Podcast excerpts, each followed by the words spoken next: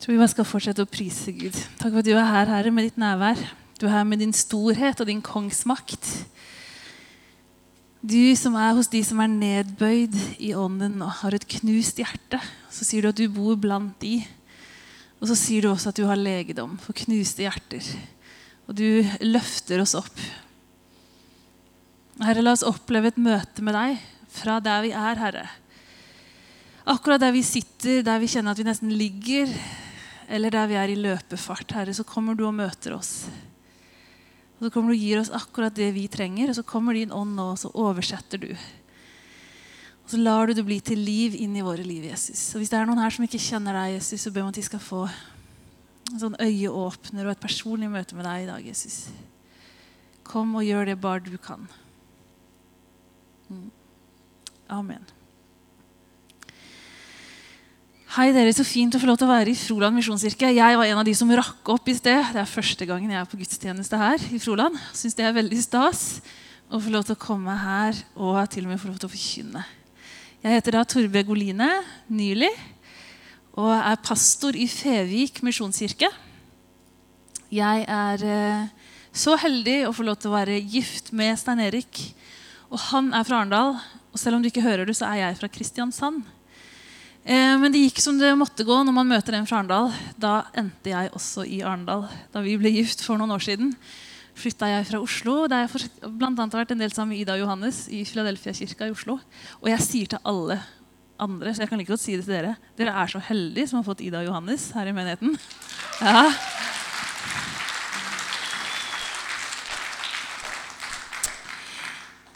Og så flytta jeg da til Arendal, og dette er gutta mine Skal vi se om vi får den til å funke igjen nå. Det er Kristoffer og Stein Erik, og så er det årets julegave under hjertet. Og I tillegg til at jeg er pastor i Føvik misjonskirke, så har jeg fått lov til å reise en del rundt de siste åra og snakke om min hjertesak. Og Det er også det dere skal bli utsatt for i dag. Jeg har gått på Ansgarskolen der jeg skrev en masteravhandling. Eh, og jeg er ikke sånn anlagt tro meg, til å skrive masteravhandlinger. Jeg tok noe som het praktisk teologi og jeg legger vekt på praktisk.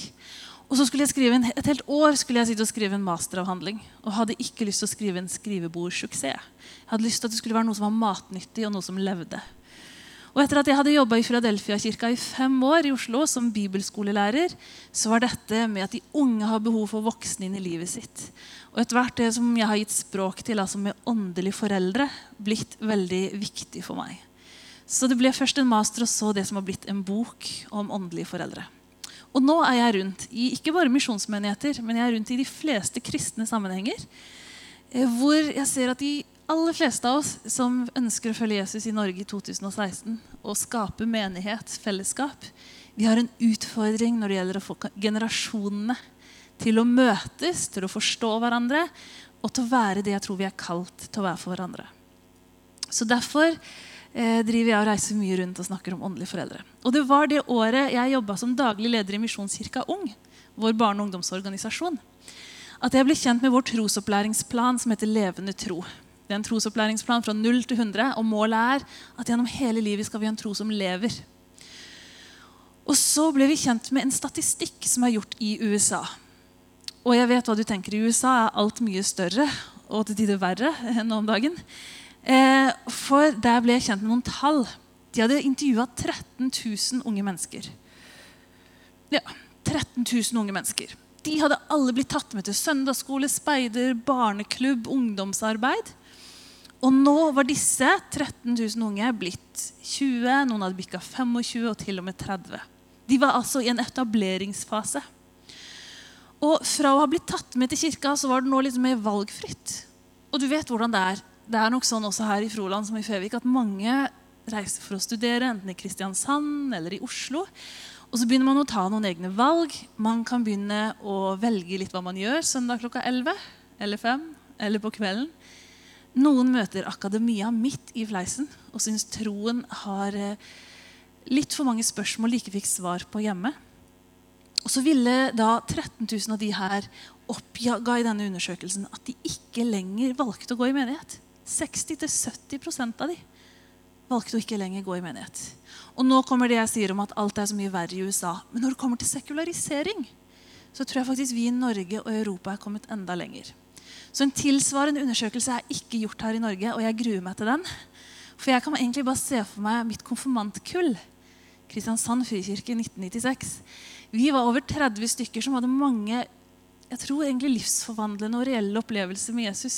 Noen valgte å følge Jesus det året de var konfirmanter. Men skal jeg i dag oppsøke de og se hvor er dere, hvor er dere i forhold til menighet og trosliv, så er jeg redd at de her tallene også kan stemme her i Norge. Og da de ble spurt men hvorfor, hva er grunnen til at ikke du lenger er aktiv i, i menighet, og så kan det hende at noen fortsatt definerte at de hadde en tro, men vi vet jo alle at det å være kristen alene det er veldig moderne og en egentlig ganske håpløs idé. Og det de svarte, var de tre neste punktene. Noen opplevde at det var veldig stort gap mellom det som skjedde her i kirka, når mamma og pappa tok de med hit, og det som var hverdagene deres. Færre enn 10% opplevde at det ble bedt hjemme. Eller at man snakka om tro. Eller at man hadde trosritualer, som det heter fint. Det neste de påsto, det var at de syntes de så at de voksne de satte egne åndelige behov foran barnas. Og da har Jeg lyst til å si at jeg tror det har skjedd veldig mye når det gjelder formidling til barn og unge de siste 15-20 åra her i Norge. Og I sommer var jeg på Liv og Vekst. Jeg kom litt seint på torsdagen. Og Så traff jeg en i en matkø. Så spurte jeg åssen er det å være på Liv og Vekst i år. Du, Det er kjempebra. Og det gøyeste er å snike seg ned på Stage Dover Cross ungdomsarrangementet på kveldene og få med meg lovsang. Der er det trøkk! Og det tror jeg er den beste forkynnelsen på hele stevnet. Og så synes jeg det var litt herlig at han syntes det var ungdommene våre som fikk noe av det beste som fantes under årets liv og vekst. I veldig mange menigheter så sitter fortsatt vi voksne i den største og i den beste salen. Med det dyreste lydanlegget og ofte de mest utdanna og betalte ansatte forkynnere eller pastorer. Mens noen steder så blir barna skyssa ned i en kjeller. Og basert på frivillighet og mange overgitte småbarnsforeldre så får de også mye bra. Men jeg liker f.eks. Vågsbygd misjonskirke. Et par ganger i året så er det sånn at alle får lov til å være her, men så må de voksne gå etter et kvarter. Og så er det barna som får lov til å være i det største rommet med det beste opplegget. Og hvis det stemmer folkens, at de fleste velger Jesus før de er 19 år, hvor er det vi burde sette inn skytset? Jo, det er blant våre barn og unge. Og Det siste var deres påstand om at det kan være lett som forelder å tenke å, jeg må bare få min umulige tenåring til å komme seg på det ungdomsarbeidet i Froland misjonskirke, så han blir frelst. For jeg vet ikke hva jeg lenger skal gjøre, og jeg tror egentlig ikke jeg har noe å komme med når det gjelder mitt barns tro. Men det viser seg at det er alltid hjemmet som har størst påvirkning på barn og unges tro. Og mammaer, mammaer er de viktigste trospåvirkerne. Og så kommer pappa på en knallsterk andreplass, som særlig påvirker barns gudsbilde. Og på tredjeplass er det søsken og besteforeldre. Så det er de nære relasjonene som i størst grad preger barn og unges tro. Og da kan du tenke at Det er dårlig nytt for oss som jobber i menighet, enten som ungdomsarbeidere eller pastorer. Vi er et stykke lenger ned på lista. Men jeg tror at meningen er at vi skal være med å heie på familiene, heie på foreldrene til å være trosformidlere. Men så kommer det da til at de er 20-25, og så er det i hvert fall noen sørlendinger som har lyst til å lufte seg litt, og som trenger å flytte pga. utdannelse eller jobb. Og så virker det som de allikevel leiter etter noe av det de har fått hjemme, nemlig mors- og farsfigurer. I Oslo så kan du gå på så mange møter. Jeg husker jeg gikk i Philadelphia-kirka på møte klokka sju på kvelden. på møtepunkt. En kar kom bort til meg så stolt og sa Torbjørg, dette er det sjuende møtet mitt bare i dag. Han hadde gått fra det ene møtet til den andre møtet og fått med seg ganske mye i løpet av en søndag. Og det kan man. Man kan shoppe med seg ganske mye i menigheter i storbyer. Og Likevel så er det ikke møtene, forkynnelsen og det store fellesskapet som alltid skaper det som varer. Og I boka mi får jeg lov til å intervjue ni unge mennesker. Og det de lengter etter, var noen trygge voksne som ville se dem.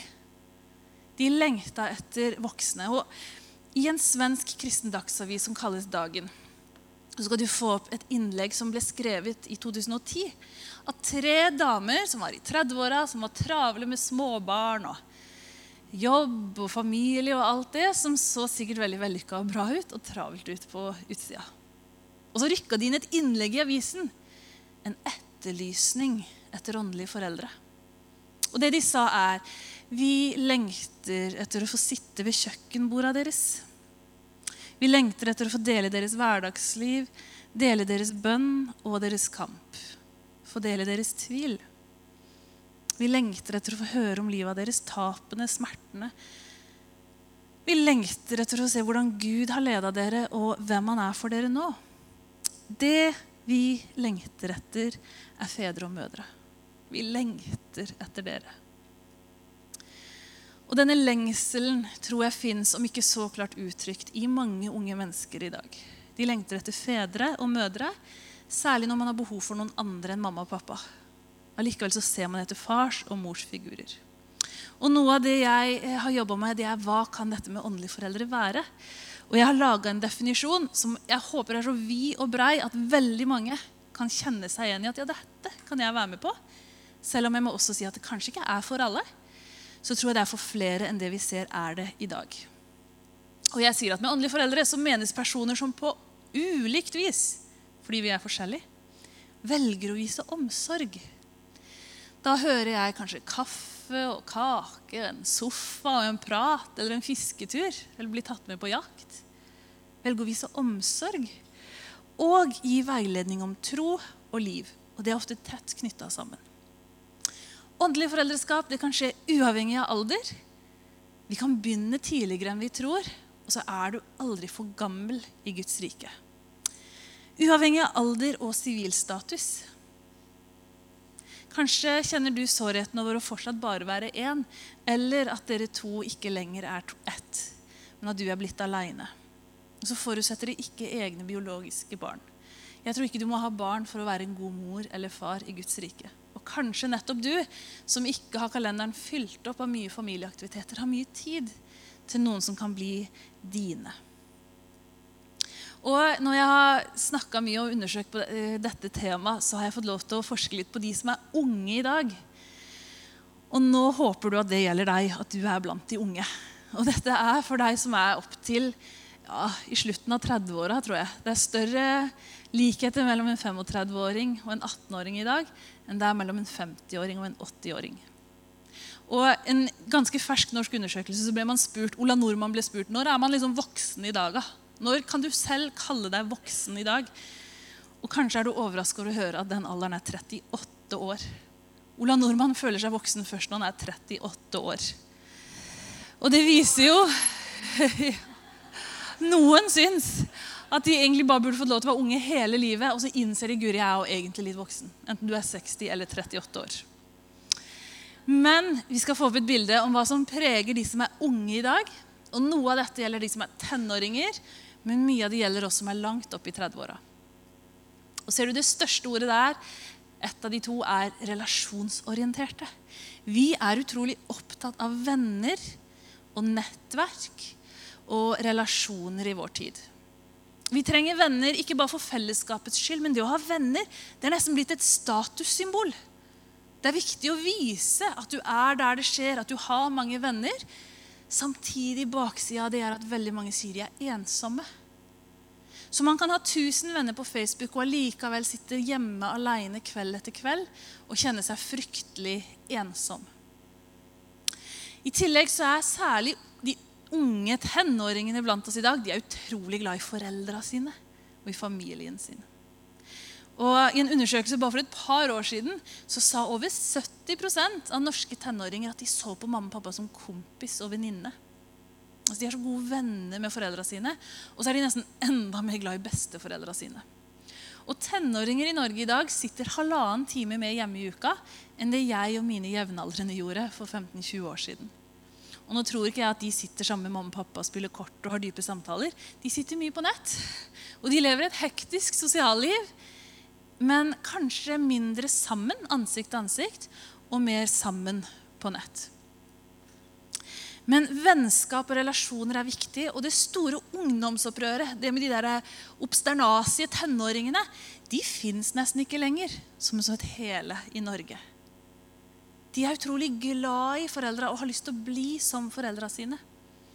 Det er lite opprør, og mange sier at eh, de gjerne heller vil være sammen med foreldra enn å gå ut på en fredagskveld. Og det kan jo være litt rart for eh, oss, og kanskje deg, som kjenner at når du var ung og tenåring, så ville du i hvert fall ikke sitte hjemme en fredagskveld med foreldra dine. Og tenåringsbegrepet ble jo født ut i opprør. Man skulle i hvert fall ikke bli som foreldra sine. Og man skulle kle seg annerledes, høre på annen musikk og være litt sånn rebelsk. Det er lite opprør blant ungdom i dag. De blir faktisk kalt generasjon lydig. Og mange jobber hardt med skolen. For de som er i skolegang, så preger det veldig mye av tida deres. Og dette gjelder særlig unge jenter. Før vi flytta til Føvik, var jeg med i Arendal misjonskirke og i Filter, det som er ungdomsarbeidet vårt der. Mannen min leda det, og jeg var med å lede en jentegruppe. Og Jeg ble helt sjokkert over å se hvordan de unge tenåringsjentene kunne avlyse selv den gøyeste sosiale happeninga til fordel for å gjøre lekser. Jeg kan ikke huske en gang jeg har avlyst noe gøy for å gjøre lekser. når jeg var tenåring. Og vet du, Selv på 9. og 10. klassenivå på ungdomsskolen så jobba de knallhardt for å få gode nok karakterer, for å komme inn på rett videregående, for å komme inn på rett studie. Og noen jobber seg faktisk helt sjuke. De er slitne av et utrolig press på å prestere. Og de blir stressa av å høre om arbeidsledighet, om det å velge rett utdannelse. Flere og flere hopper over dette såkalte pauseåret som mange har etter videregående. De vil rett i studier, for de er så opptatt av å få den rette jobben som de skal jobbe hardt i for å tjene penger. Og hvor har de lært det? Men det ligger litt for mange unge mennesker i mørke rom rundt om i Norge. Helt utslitt av et press som mange kjenner på i samfunnet vårt. For det er ikke bare å være god på skolen som gjelder. Du skal se bra ut òg. De fleste tenåringer vet nøyaktig hvilke sider som er deres beste, og hvordan de best kan pose for et bra bilde og filtrere det. Legge på et nydelig filter så det ser enda bedre ut. Og så må det legges ut, og så skal du få likes, kommentarer og tilbakemeldinger. Og dessverre er det en ganske brutal verden de legger ut seg selv og sitt selvbilde i. Og sosiale medier og dette med å være pålogga, det er det neste som preger. Og da kan vi ikke bare skylde på tenåringene våre. Det preger oss alle. Veldig mange av oss lever, lever, livet, lever livet med ansiktet i en skjerm. Og du kan se da om hvis du tar buss eller sitter på et venterom hos legen, hvor mange som tyr til mobilen. Vi er nesten helt handikappa uten. Og mange har såpass mye av sosiallivet sitt på mobil at de kjenner en ganske sånn panikk ved at mobilen er i stykker, eller at de ikke har mobilen lenger. Vi kan ta forrige bilde igjen. De er pålogga, og mange sier at de får ikke sove engang. For hvis det plinger klokka to på natta, så må man sjekke. Man må sjekke, man må være med. Og så gjør det at mange er helt slitne av et ganske hektisk sosialliv på nett. Og folkens, Det gjelder flere enn tenåringene, og det gjelder flere enn oss unge. Jeg tenker at Mange av oss søker mye bekreftelse av mennesker du ikke omgås og ser hver dag. Jeg har i hvert fall de siste åra, etter at Facebook ble oversvømma av 60 pluss, sett mange rosebusker, mange Syden-solnedganger eller fine middager som er lagt ut av de eldre iblant oss, som også ønsker bekreftelse på samme måte som de unge. En som heter Peter Haldorf sier at vi blir til i hverandres øyne. Vi trenger å bli sett. Spørsmålet er hvem vi egentlig trenger å bli sett av. Det er stor forskjell på blikkontakt og en tommel opp på Facebook. Så unge mennesker i dag de er travle. De kan se tilsynelatende vellykka og eh, ganske sånn perfekt ut, fordi de vet nøyaktig hvordan de skal legge seg selv ut. ganske bra. Samtidig så råder det en ganske sterk usikkerhet på om de har noe å bidra med, på om fremtida er lys, om noen vil se de i øya. Og Da kommer vi over til neste bilde, som er hvem det er de ønsker å bli sett av. Og Her skal jeg da fornærme en bråte mennesker på en og samme gang ved å si at dette det som nå skal snakke om, det er dagens eldre. Legg merke til hermetegnet, for dette er 50 pluss. Og jeg vet at du som er 50 år, ikke har lyst til å bli kalt eldre eller eldst. Og du er kanskje ikke det. Men det du har til felles med de som er 80 eller 90 år, det er at du er ønska.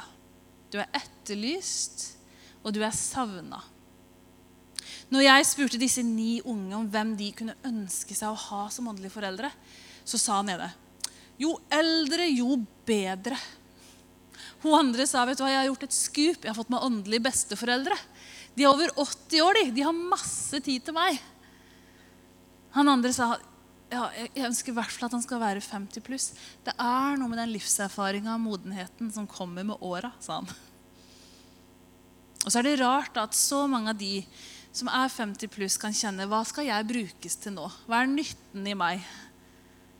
Mange har kjent at de har stått her, de har vært i bresjen. De har vært i komiteer og råd og styrer, de har hatt mikrofonen, de har hatt påvirkningskraft, og de har hatt muligheten til å lede og føre an i menighetslivet. Og så plutselig kommer de her småbarnsfamiliene. vet du. Og i noen menigheter så opplever de at det nesten overtas helt av en ny generasjon. Og så er det noen som kjenner jeg tror vi tar forrige bilde litt lenger. Skal jeg si fra når du skal bytte? De opplever at de står her på scenen og får lov til å være i sitt ess. Helt til det kommer noen nye og overtar. Så flytter de ned til første benk. da. Og så er det noen som flytter til bakerste benk. Og så er det mange som drar på hytta. Og noen kan dra på hytta og bli der ganske såra. For vet du, de kjenner seg ganske tilsidesatt og fremmede i sin egen menighet. Og dette er jo generasjonen som har jobba dugnad. Dette er gjengen som har stekt vafler. Dette er generasjonen som ber. Og så ser de plutselig at sitt eget åndelige hjem kan oppleves fremmed, og så synger de sanger på et språk de ikke helt skjønner engang. Og så reiser de, og så blir de borte. Og hør, Når jeg er rundt i kristne sammenhenger overalt, eh, fra liksom folkekirka til baptistene, de frie misjonskirker Vet du hvem som er mest savna, etterlyst og ønska? Det er 50, men kanskje jeg har lyst til å si 45 pluss til 60. Det er så mange stoler som skulle være fylt av foreldre. Og så er det det at eh, noen syns det er kjempedeilig å få lov til å slippe å stå her og slippe å steke vafler og slippe å veie komiteer og råd og styrer. Og så har de tatt seg velfortjent fri. Ja, Det begynner ofte med en pause, men vi ser de aldri igjen. Og så er det en generasjon som fortsatt har så mye å gi, og som har trukket seg litt. Og noen opplever at mange har trukket seg på en gang, og så er det som et sånn tomrom. De eldste i denne gruppa som vi har satt sammen her, de eldste iblant oss i dag, de er prega av trofasthet. Lojalitet. De er hardtarbeidende, og de er bedende. Altså de fyller bønnemøter Norge rundt.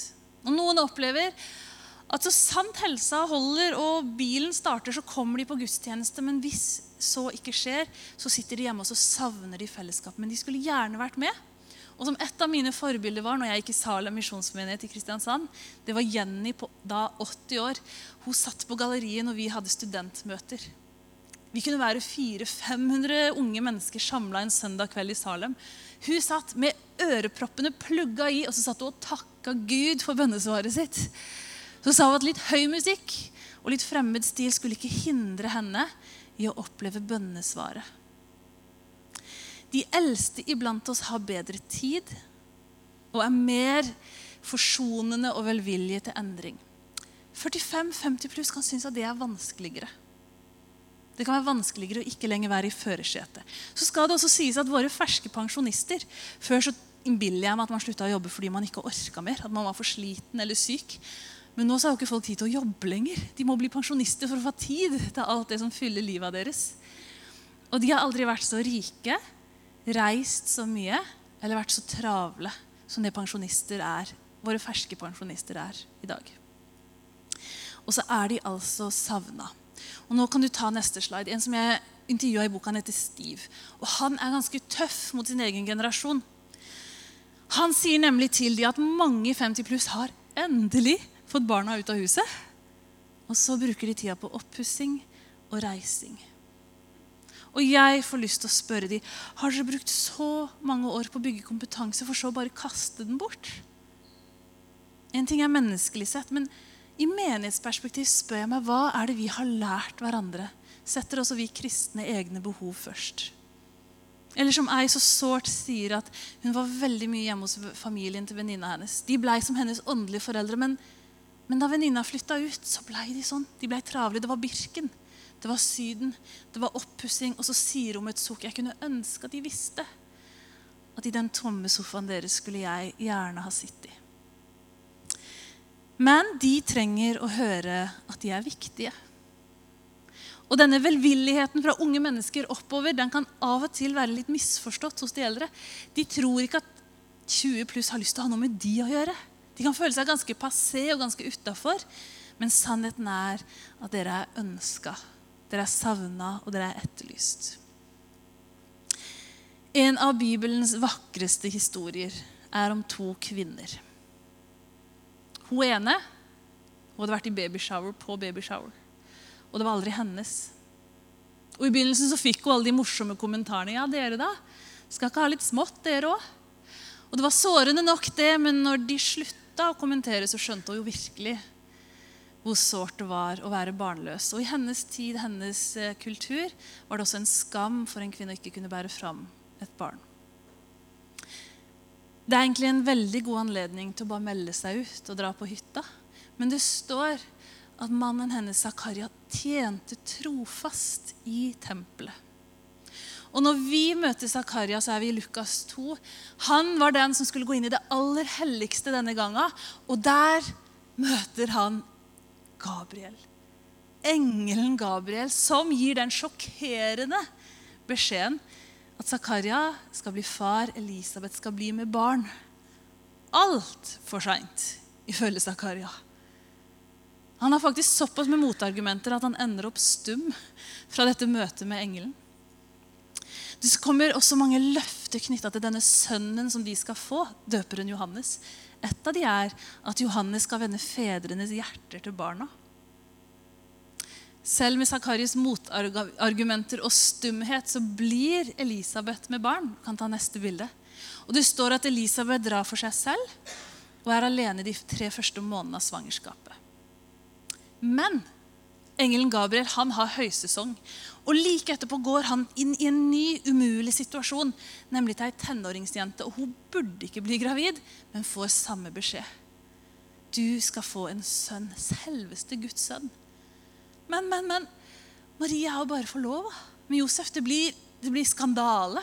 Det kommer til å ødelegge så mye av ryktet hennes og Josefs. og men Marias respons til engelens budskap er 'Gjør med meg som du har sagt'. Jeg er Herrens tjenerinne. Og så blir hun med barn. Og så elsker jeg omsorgen Gud har for disse to. Når han gjennom Gabriel sier til Maria Maria, din slektning Elisabeth er også med barn. Hun visste jo ikke det, hun hadde jo ikke lagt ut det på Facebook eller sendt en SMS om det. Det var sjokkerende nyheter også for Maria. Og så kan vi lese hva som skjer videre i Lukas. Neste bilde står det noen dager seinere dro Maria av sted og skyndte seg opp i fjellbygdene, til den byen i Juda hvor Zakaria bodde. Der gikk hun inn til Elisabeth og hilste på henne. Da Elisabeth hørte Marias hilsen, hoppet barnet, rørte barnet seg i hennes liv. Hun ble fylt av Den hellige ånd og sa med høy røst.: Velsignet er du blant kvinner, og velsignet er ditt livsfrukt. Hvordan kan du gå til at min Herres mor kommer til meg? For da lyden av din hilsen nådde øret mitt, hoppet barnet i meg av fryd. Og salig er hun som trodde at det Herren hadde sagt til henne, skulle gå i oppfyllelse. Hæ, tenkte jeg når jeg leste den nå. Her var det ei ung tenåring som kommer for å få hjelp, for å få trøst, for å få forbund. Og så er det Elisabeth som blir fylt av Den hellige ånd. Og så er det Elisabeths lovprisning som først får lov til å runge. Og hør, kanskje tenker du at du hadde noen drømmer, noen visjoner. Du opplevde å få et kall, og så blei det liksom aldri noe av det. Og så har du kanskje begynt å tenke tanken at nå er det nok for seint. Nå er det noen nye som har overtatt. Nå er vel min tid over. Og så kan det skape litt forskjellige reaksjoner i deg. Av og til kan man bli litt passiv og bakke på. Av og til litt sår. Og av og til så tenker man at jeg må bare glemme det jeg trodde Gud sa. Men hør, kanskje vil du oppleve at noe du har gått liksom svanger med, noe som har begynt å leve i deg, det begynner å leve igjen. Det begynner å røre på seg og hoppe i møte med den unge. Ja, Kanskje er det faktisk du som først blir fylt med Den hellige ånd i møte med den unges behov. Jeg er sikker på at selv om det var Maria som kom desperat etter litt velmenende og kloke voksne råd fra Elisabeth, så var begge like velsigna da de noen måneder seinere drar fra hverandre. Jeg tror at hvis du, som kan lure på om tida di er ute, om det er for seint, kan oppleve faktisk en ny vår, og at det beste fortsatt ligger foran deg i møte med den unge. Og så kan man kjenne, da, sånn som mange sier til meg, ja, jeg er kanskje 60 på utsida, men inni meg så føler jeg meg 16.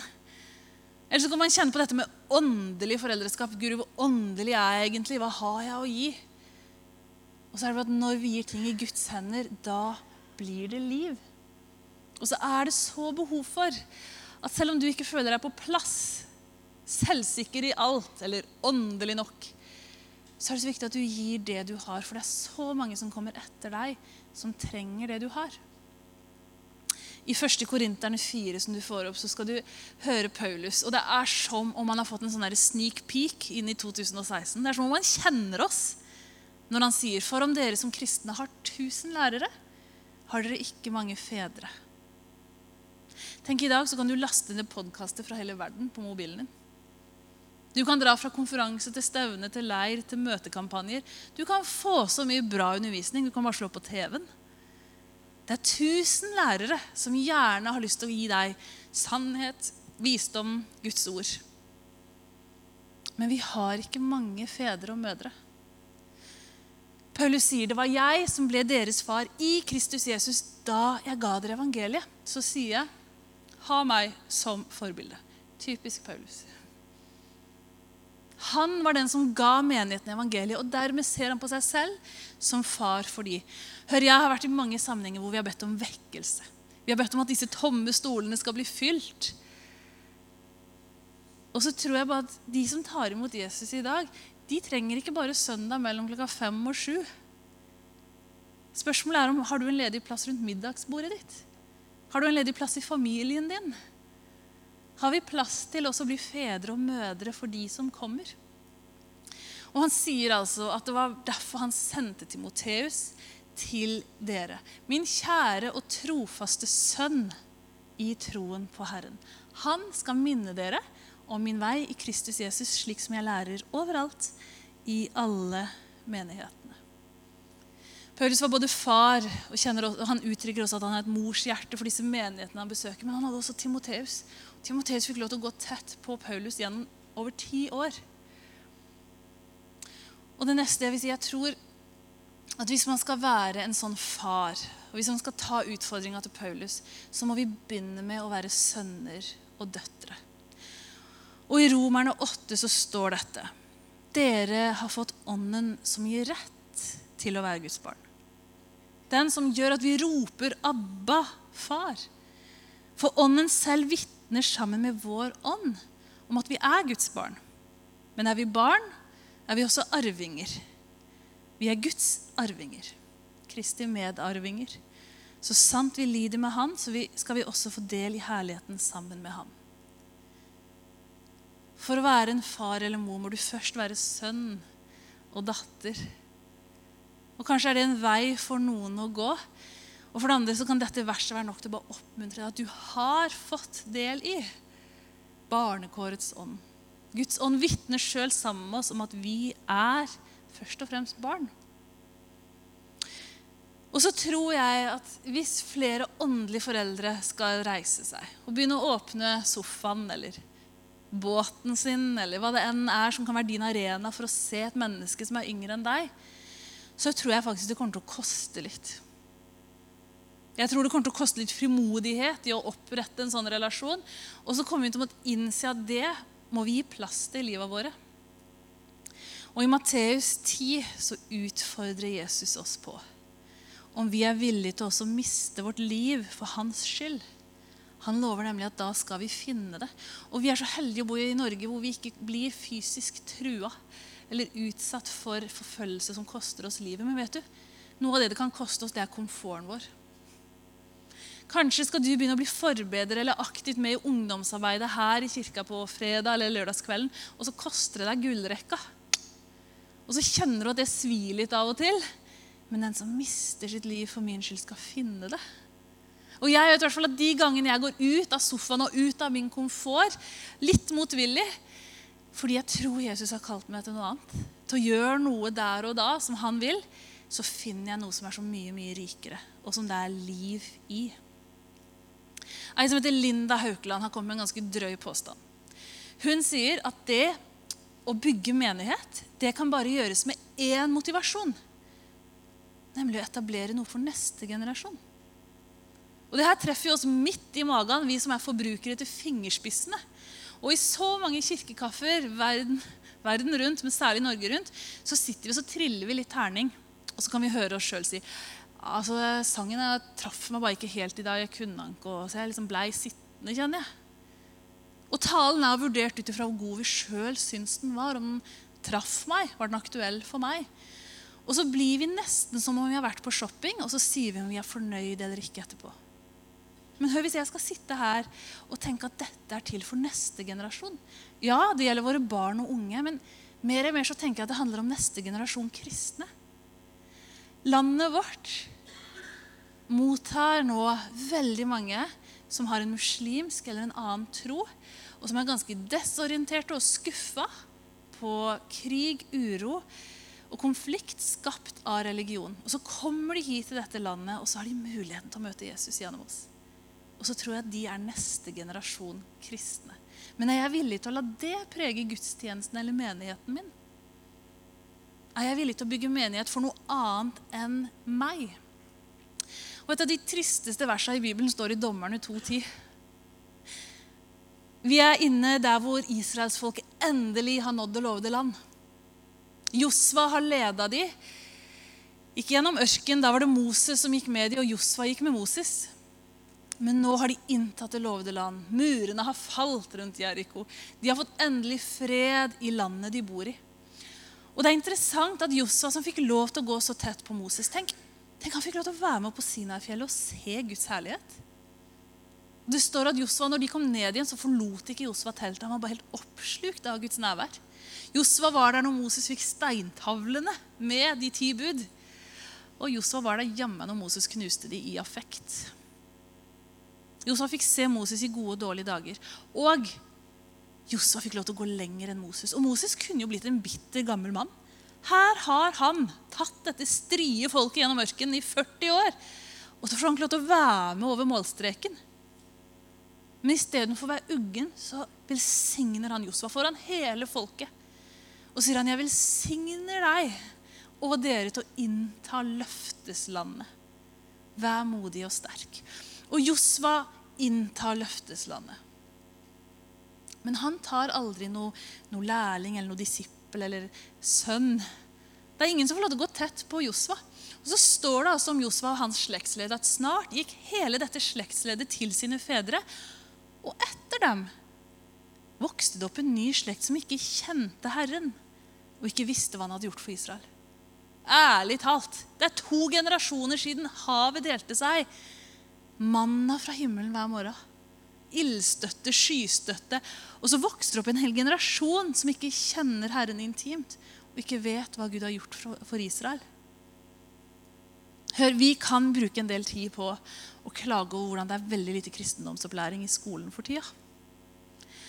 Og det er veldig lite unge mennesker kan i dag om kristne høytider og hvorfor vi feirer de og hva det betyr. og Huff, det var mye bedre i gamle dager, kan noen av oss, særlig min alder, påstå. Men er det skolen vår sitt ansvar å oppdra våre barn i troen på Jesus? Er det staten som burde tatt ansvar for at enda flere blir frelst før de er 19 år? Nei, det er oss. Det er vi som kjenner Herren og vet hva Jesus har gjort for oss, som må reise oss og ta ansvar for neste generasjon. For det kan jo ikke skje på vår vakt at et helt slektsledd går glipp av hvem Gud er. Og istedenfor å klage på alt som ikke funker, eller alt som var bedre før, så er det på tide at en mur bestående av fedre og mødre reiser seg. Og så blir de stående. Og så blir de det som gjør at neste generasjon får med seg hvem Jesus er. Og så får kjenne han personlig.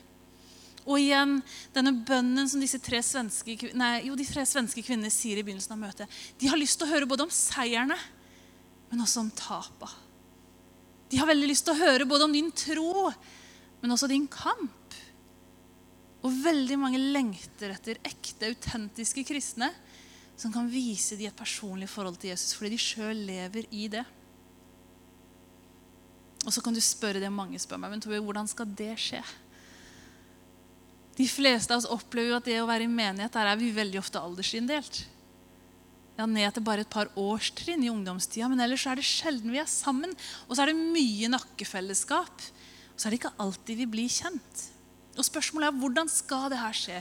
Hvordan skal vi møtes? Og hermed er jo samtaletema rundt kveldsmatsbordet litt seinere gitt. Hvordan skal vi i større grad se hverandre i øya? Hvordan kan disse relasjonene oppstå, og hvem skal ta initiativ til det? I den naturlige verden så er det alltid far og mor som tar initiativ til å få barn. Er det på tide at flere åndelige fedre og mødre begynner å tilby seg? Gå over på den banehalvdelen der de unge tilsynelatende råder og er vellykka, men kanskje savner nettopp deg.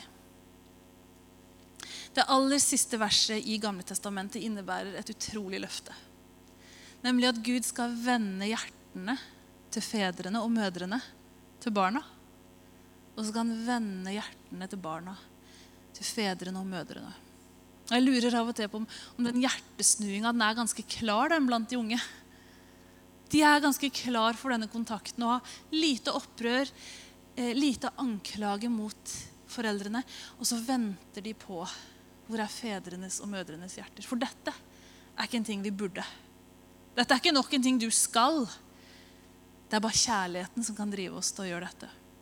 Og Kanskje kan du begynne med den bønnen om å se ho, se han, som du kan bety noe for. Begynne å be for, og kanskje også ta kontakt med. Jeg tror at den tida er nå, og jeg tror at vi ser det skje. Jeg tror at det er flere fedre og mødre i alle aldre som begynner å reise seg og ta dette ansvaret. Og jeg tror det er både på høy tid, og for noen så er det gode nyheter for fremtida deres. Hvis du har lyst til å lese mer om det, så kommer jeg til å stå og selge boka ute etterpå. En del har i det siste fortalt at de har brukt denne boka i bibelgruppa si. Eller i cellegruppa si. Og så har de gått gjennom et kapittel hver gang og snakka om det. Kanskje er det en måte å ikke bare lese en halv, men en hel bok. Jeg er god på halve bøker.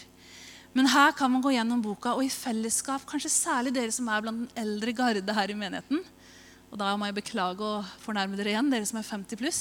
Men vit at dere er så ønska og etterlyst at kanskje vi å sammen snakke om hva kan dere bety å være for de unge i denne menigheten.